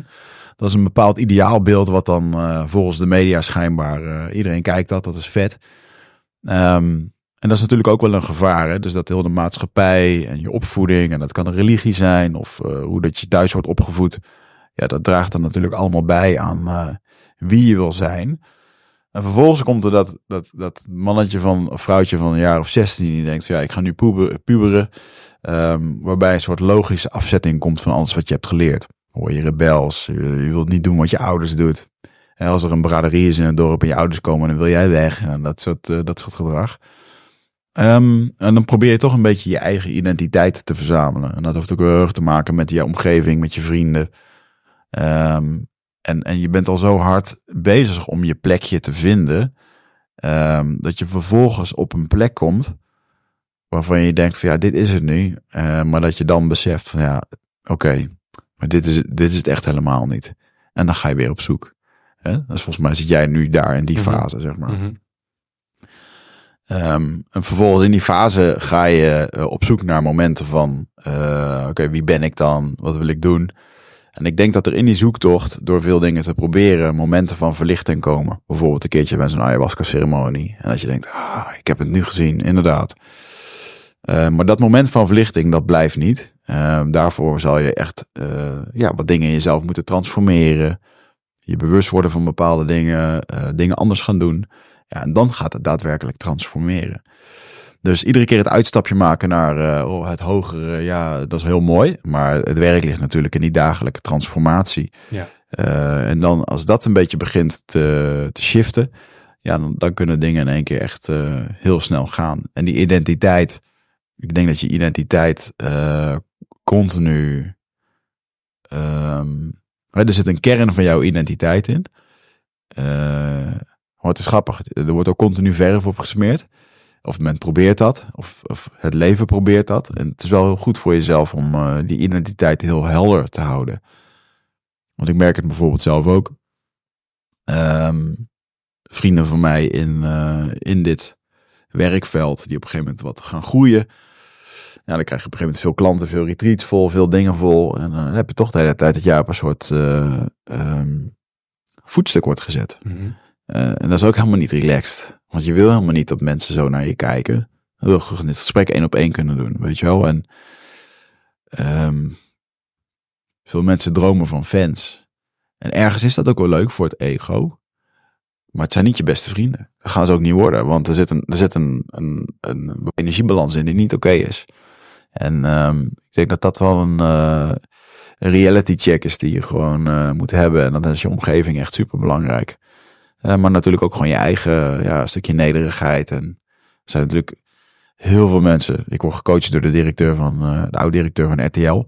En die zei ook tegen mij een wijze les van, er is niemand, nee, Matthias Scholten. Ja.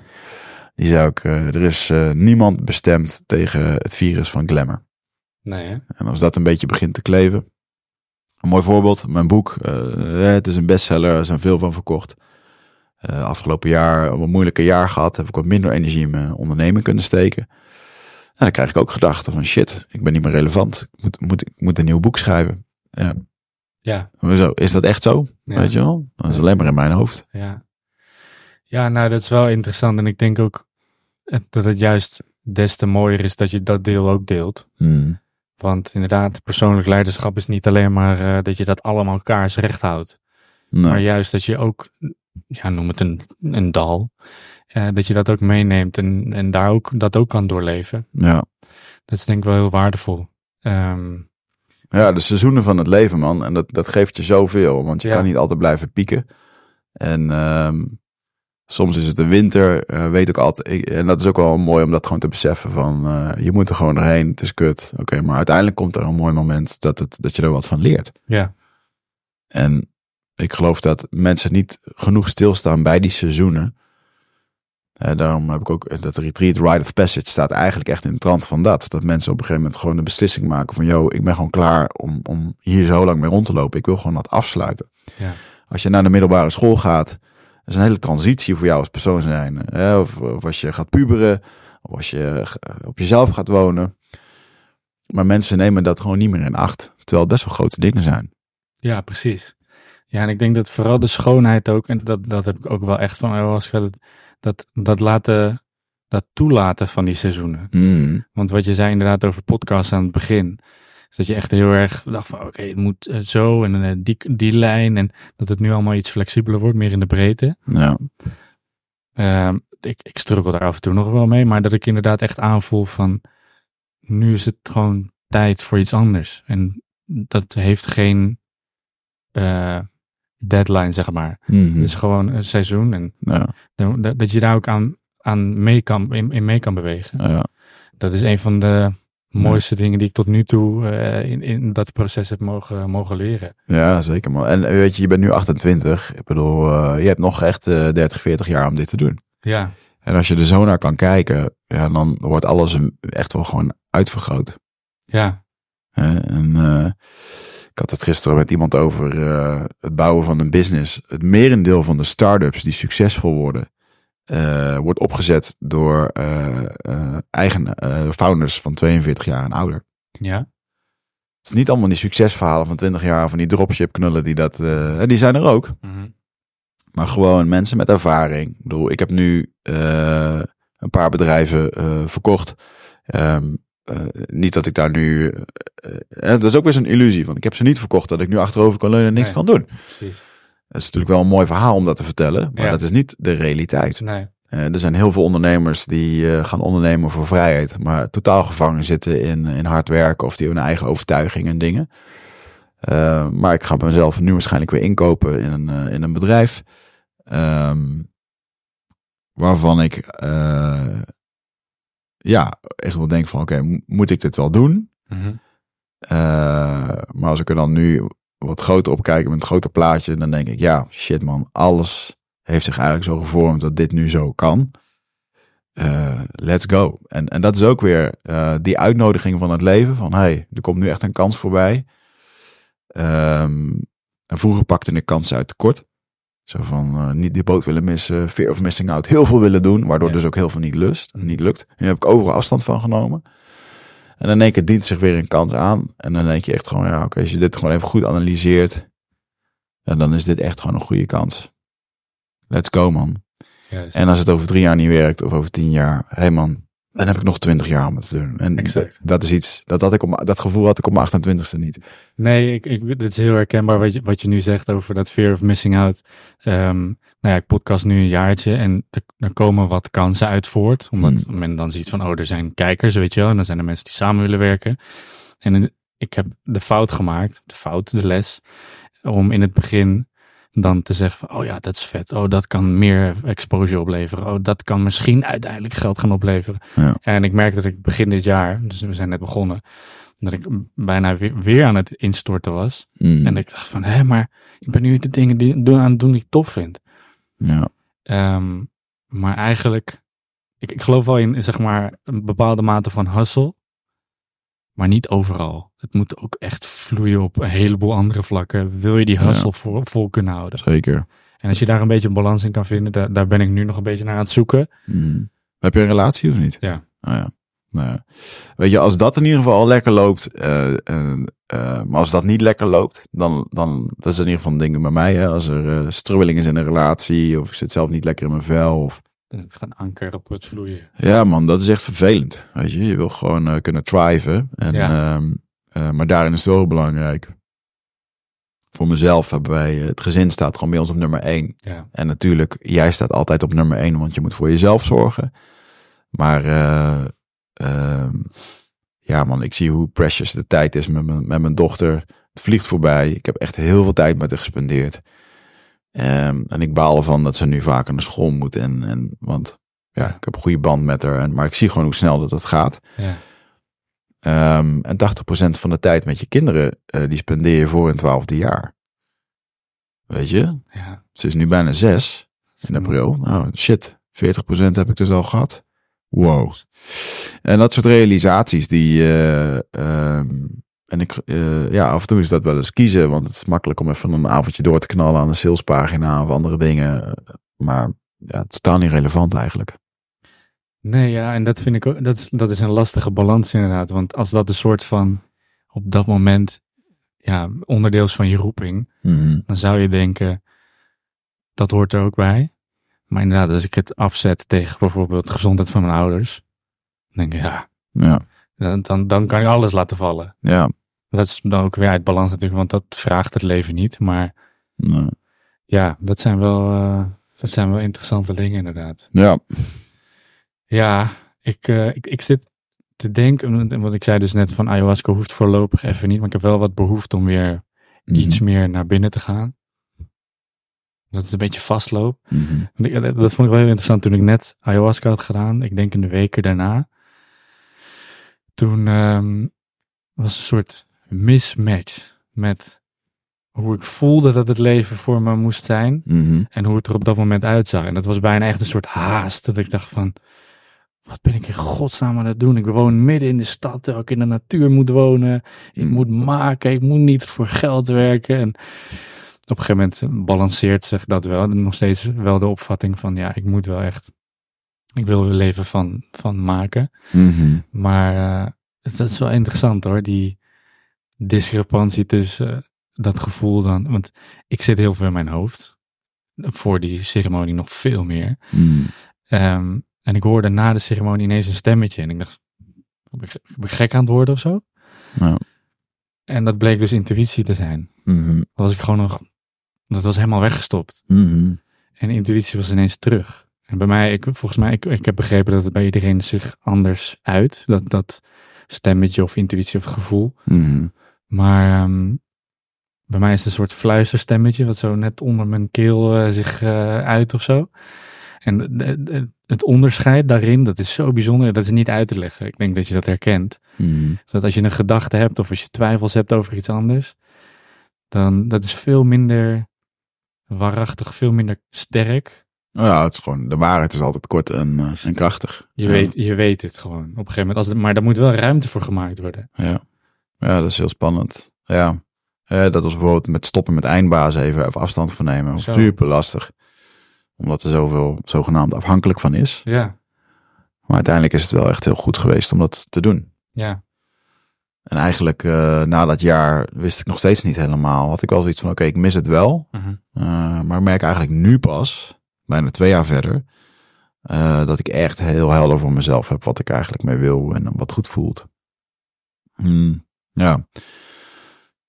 En dat stemmetje van intuïtie, dat, ehm, dat is ook een, eh, een, een lijntje wat je, wat je traint, als het ware. Wat ik de laatste tijd veel voor mezelf doe, is, eh, is ook eigenlijk een vorm van hypnose.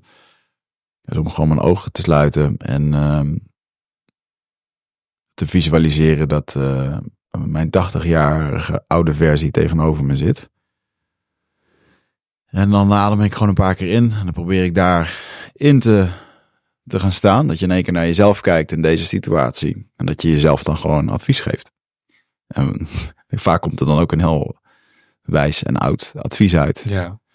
En ehm, Wat zou die 80-jarige op dit moment nu tegen je zeggen? Nou, in de zin van, ehm, dan, dan doe ik dat op een bepaald onderwerp of wat er, dan, wat er dan is. Maar ik gebruik het ook eens voor mijn coaching eh, klanten die niet kunnen uitzoomen. Hè, want dat is eigenlijk gewoon 80 jaar uitzoomen dan.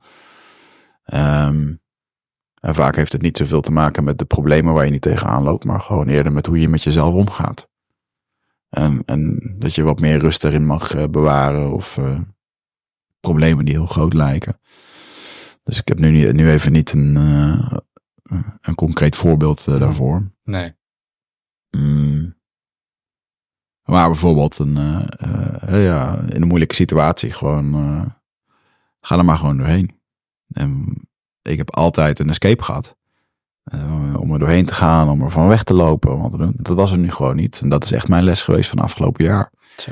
Dat het, dat het leven gewoon soms dingen aanbiedt dat dat gewoon niet meer kan. Ja, dan is het wel heftig. Ja. Ja, de lessen des levens, dat zijn er wel. eh, die zijn, zijn soms pittig. Eh, Maar wel nodig. Ja, ja. ja als je, als je een, een, een waarachtig leven wil leven, ja, dan, Mhm. dan, dan, dan moet je ze aankijken. Dat, eh, dat heb ik ook wel gemerkt. Ja. Een ander ding wat, wat heel erg in mijn eh, ceremonie naar voren komt. Ik weet natuurlijk niet hoe dat voor anderen is, want ik, ik praat niet heel veel inhoudelijk over andermans eh, ervaringen daarin. Ehm, maar dat, op voorhand had ik al wel eh, gehoord van mensen dat ze zeiden van ja, doodgaan, Hmm. soort van, doodgaan moment. Ehm, en ik dacht van ja, zal toch niet. Hoe, hoe moet ik dat voor me zien? Weet je wel, dit speelt niet echt in mijn leven, dacht ik. Mhm. Maar ik ben precies dood gegaan in die. Ja, man, herkenbaar. Echt, eh. Ja, dat is ik, ook toen ik jouw boek las. En eh, ik, ik moest eraan denken toen ik uit die ceremonie kwam. Eh, ik heb heel veel moeite met loslaten. Dat is een van de grootste thema's in mijn, in mijn leven. Loslaten aan, aan alles. En mijn, mijn, mijn psycholoog zei ook altijd. ik werd vroeger altijd gediagnosticeerd met ADD, met al- alle depressie, al dat, soort- al dat soort dingen. Hmm. En hij was echt een soort Eckhart Tolle en dan overdrijf ik echt niet. En ehm, hij zei, ehm, volgens mij heb jij helemaal geen ADD of depressie. Je bent gewoon een bang jongetje. Nou, je kan je, je kan hem voorstellen. Mm. Uitbarsten in, in tranen. En, eh, maar daar komt dat loslaten, dat, dat moeite met loslaten natuurlijk vandaan. Tenminste, denk ik nu. En, eh, maar ik, ik ben ook letterlijk dood gegaan in die, in die ceremonie. Mm. In de woestijn. Ik weet niet wat dat, of dat ook nog iets betekent. Maar ik gewoon, ehm, ik liep continu tegen verzet aan. Hmm. En ik, ik- dat kreeg ik ook later terug van degene die ons begeleidde. Dat ik ah, continu hardop zei van, ik wil niet meer, ik kan niet meer, ik kan dit echt niet meer. Ik heb het nog nooit gedeeld overigens, maar het is, het is wel een, een heel mooi verhaal, vind ik. Gewoon continu tegen mezelf zeggen, kan niet meer, het kan niet meer, het lukt echt niet meer. Hmm. En dat ik mijn laatste woord uitsprak is, ik stop ermee. En toen ging ik dood. En dan, nou ja, je hebt natuurlijk geen besef van tijd. Maar dat er dan ineens, ineens begon ik te zweven. Echt gewoon in, in een soort ruimteloze eh, ruimte. Hmm. En eh, het, het voelde lichter allemaal. En ik begon te lachen.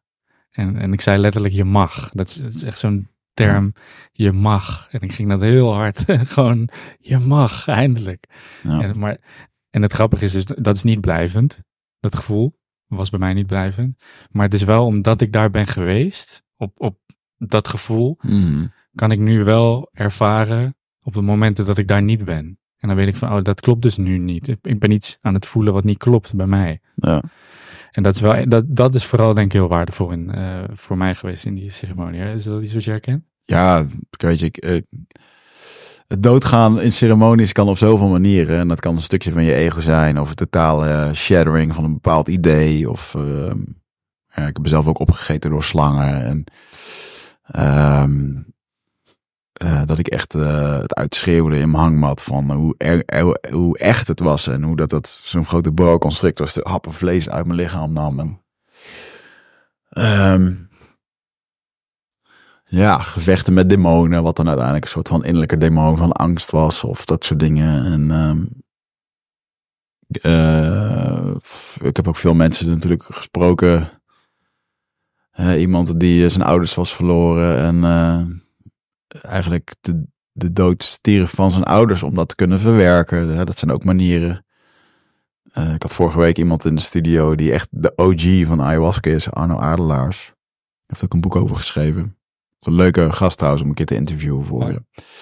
Ehm, maar zijn beste vriend die had de eerste koffieshop, de eerste smartshop in Amsterdam. Dus dat is sowieso uniek. Van de wereld eigenlijk. Ja. Dat was gewoon een winkel waar je drugs kon kopen. Ja, dat was Ja, wereldnieuws. Ja, precies. En eh, die hebben toen ayahuasca hier naartoe gehaald. En eh, ehm, hij vertelde toen over zijn eerste psychedelische trip. Waarbij iemand LSD in zijn drank had gedaan. Dat was toen die tijd. En dat hij zes uur lang gewoon iedere seconde heeft gedacht dat hij dood ging. Ja. Ja, dat is, dat is shit, weet je wel. Eh, Dat, en hij heeft dat natuurlijk toen ervaren als een bad trip. ja. Hij was natuurlijk ook geen goede set en setting. Wat vind je van de term bad trip? Een, vriendin van mij zegt er bestaat geen bad trip, alleen geen overgave. Ja, ik denk dat dat, dat correct is, ja. Ja? Maar ik geloof wel dat mensen... Ik bedoel, ik heb zelf ook wel eens echt in een, eh, een hele zware sessie gezeten. Die voor veel mensen het laatste was geweest voor, voor, voor zoiets om te doen. Maar ik besef wel met de juiste begeleiding en, eh, van een indiaan of een shamaan... of Ja. die dan je daar doorheen kletst. En ik heb altijd het besef gehad van oké, ik kom hier wel doorheen. Iets, er zit ergens een Ja. soort van, eh, ja... Vertrouwen was er wel. Ja, ja. Ehm, ja. Terwijl ik weet nog wel dat ik op een gegeven moment met een jongen zat te praten. Hij zei, ja man, ik hoorde je gisteren achter in de jungle. Hij dacht, het enige wat ik kon dachten, gewoon arme wiggert. weet je, en eh, ja, dat was heftig man. Ehm, maar goed, kan altijd wel, ehm, kan me er altijd wel uithalen. De bad trip, ja, ik denk zeker dat ze er zijn op het moment als je niet goed voorbereid bent, niet de mentale capaciteit of bandbreedte hebt om, er, om dit Ja. te redeneren. Eh, en dan kom je gewoon in een soort van gevangenis. En, eh, en als die mind heel klein wordt en ja, wil controle houden, ja, dan wordt het een vervelend verhaal met iets wat gewoon zes uur lang door gaat werken. Zo, ja.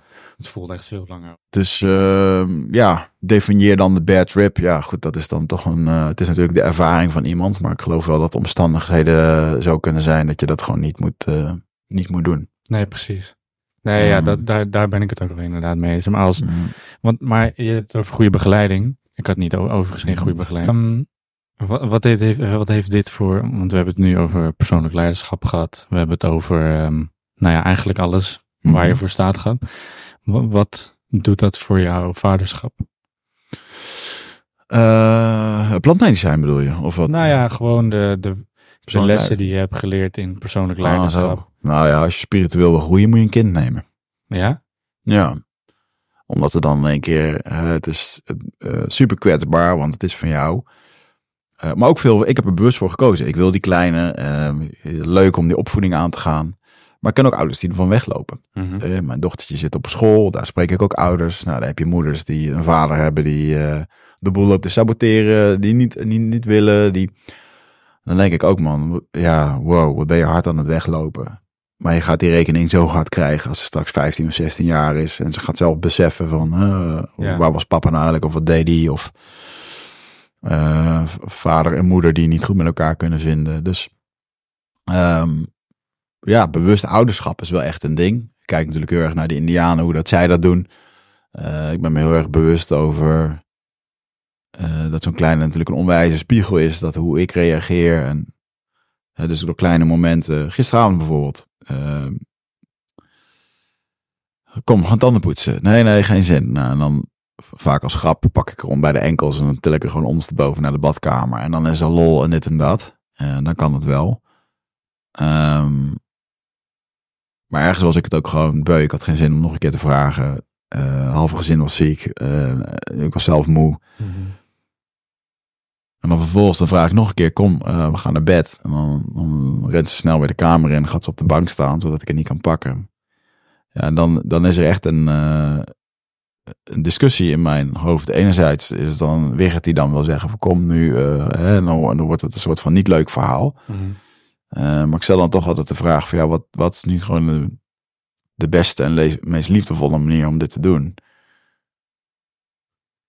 Ja, het is toch niet om daar aan toe te geven. Dus dan loop ik er toch naartoe en dan bedenk ik wel weer een, een leuke manier om ze daar mee in te trekken.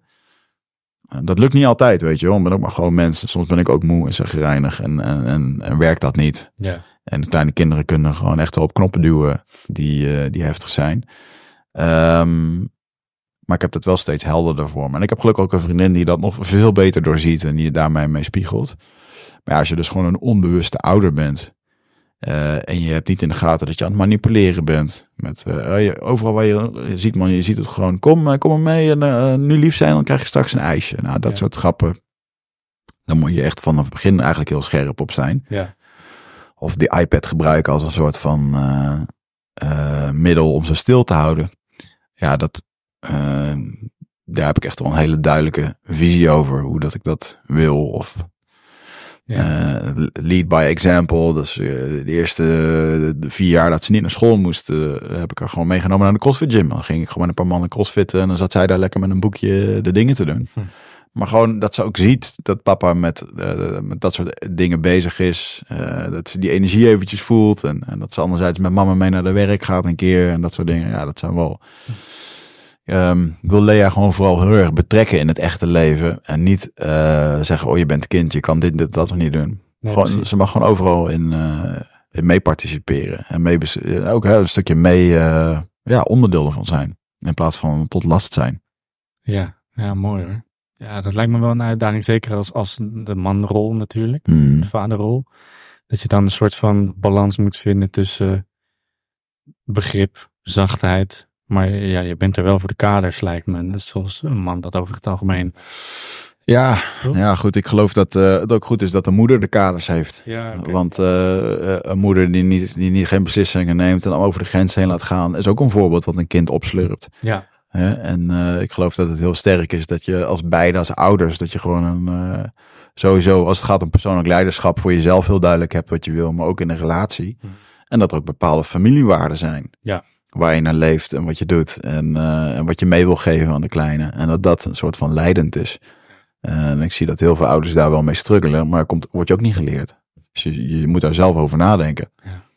En eh, kijk, ik kom zelf ik heb dan zelf het geluk dat ik uit een gezinssituatie kom waarvan ik denk van nou dat zou ik niet eh, nog een keer aan mijn dochter willen doorgeven. Mm, Waardoor mijn dochter misschien nu in een bubbel op, opgroeit die eigenlijk veel te, eigenlijk gewoon bijna gewoon goed, te goed is, weet je wel. Mhm. Voor hoe, hoe vormt zo'n karakter zich en, hè, want eh, de meeste mensen die hier in de podcast zitten en een interessante verhaal hebben, die hebben dat interessante verhaal wel gebouwd vanuit een, uit een Pijn. weet je wel. Ja. Ehm, maar goed, ik, ik, ik, ik luister graag naar Gabo Matte. En eh, die natuurlijk veel over opvoeding schrijft. En over hoe trauma ontstaat. En dat kinderen toch gewoon... eh, iedereen gaat uiteindelijk gewoon op liefde. En als je ze dat kan geven op een goede manier. ja, Ja, dan, eh, dan is dat wel het start van een, eh, van een nieuwe wereld. Daar geloof ik wel in. ja. Ja, dat, dat geloof ik ook. En het ook niet perfect willen doen. Nee, dus you're gonna, dat zei Elliot Hills tegen mij. You're gonna fuck them up anyway. Dus wat je ook doet. ja. Maar goed, ja, je probeert het. Maak ze veerkrachtig en liefdevol. Dat is denk ik... ik bedoel, ik ben geen vader, maar ik kan me Mm, er iets bij voorstellen. Want eh, ik spreek uit ervaring als kind natuurlijk. Ja, Ik denk dat dat het belangrijkste is. zeker. Een eh, mooie afsluitende vraag, die je waarschijnlijk eh, wel herkent, is hoe wil je je voelen komend jaar? Hmm. Hoe wil ik me voelen komend jaar? Je weet waar ik naar refereer? Mhm. Ja, nou, de vraag die mijn vriendin Ja. stelde in mijn, toen ik, ja. Ehm.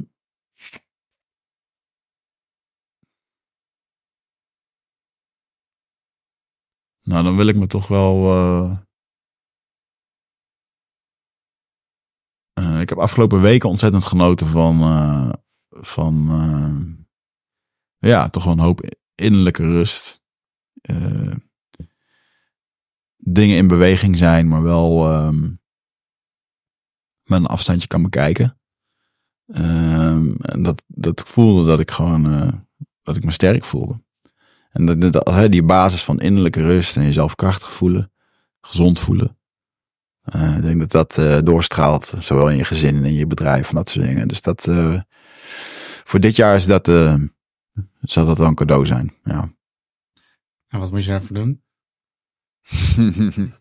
Blijven doen wat ik doe, want ik voel me nu zo. Oké, Dus ik zit uitzonderlijk goed in mijn vel. En ja, dat. Mooi. Dat is een mooie afsluiter, denk ik. Ja, Eh, je hebt hele mooie retreats. Je hebt een Mhm. mooi boek. ja. Wat wil je, eh, waar wil je dat mensen je vinden? ja uh, daar kan je alles vinden. Mijn boek heet Op zoek naar antwoorden. Te bestellen via alle kanalen. We hebben natuurlijk een podcast Eindbazen, waarbij we de grootste doeners en denkers uitnodigen om te interviewen. Bijna 300 afleveringen nu. Ja, en mijn kindje is Rite of Passage. Ehm, ik, eh, dat is een retreat waarbij de inhoud geheim is. En de belofte dat het oncomfortabel wordt. Geen plantmedicijnen, maar juist om mensen te laten ervaren dat, eh, dat ze die innerlijke rust of die overgave of dat inzicht ook kunnen bereiken door het zelf te doen. Dus ik ga je daar ook niet vertellen wat je moet doen. Ehm, je doet het allemaal zelf. En dat is wel een, ja, dat is een echt een gouden formule. Dus gemiddeld, eh, gemiddelde klantscore is een 9,2. Ehm, ik heb er zelfs een money back guarantee op gegooid. Want ja, als mensen niet, als het niet helpt, dan heeft het niet geholpen. En dan krijg je geld terug. Nou, dat is ook nog nooit gebeurd. Dus dat is eh, een goede garantie. Dus ik maak altijd een beetje de grap. Het enige wat er kan gebeuren is dat je wat gelukkiger wordt. nou, dat is een goede deal. Mooi risico. Ja, maar het is wel een, eh, als je het hebt over persoonlijk leiderschap, dan is dat wel echt een ding om echt uit je hoofd te komen en het echt daadwerkelijk te voelen. Want een boek lezen met een tip en dat proberen toe te passen is altijd wilskracht en discipline. Nou, dat gaat bij de eerste tegenslag de deur uit. Eh, maar als je het echt diep van binnen hebt gevoeld, ja, dan ga je anders met dit soort situaties om. Dus daar sta ik echt voor. eh. dus als mensen daar eh, naartoe willen komen, dan eh, zijn ze helemaal welkom. Dat vinden ze ook op mijn website. Mooi. Ja. Bij deze de uitnodiging. En ook gewoon doe dat. Lees het boek. Zoek Wichert op. En ja, met name lees het boek. En Rite of Passage natuurlijk Ja. vanuit zijn... eh, Ja, dagen. eigenlijk is het- mijn boek lezen is vaak al de uitnodiging om daarna naar het retreat te Ja, komen voor de meeste mensen. Dus Ja. Dat snap ik. ja. Dankjewel Wichert voor je tijd. Ik vond het een eh, erg eh, leuk gesprek. Dankjewel. Het was een lange, lange wacht voor jou, maar eh, Hij was het waard. hij was het waard. waard. En, Alles is- als we het tweede deel hebben, laten we dan nog eentje doen. Dan. Heel graag. Leuk. goed. Tot de volgende. Dankjewel. Yes.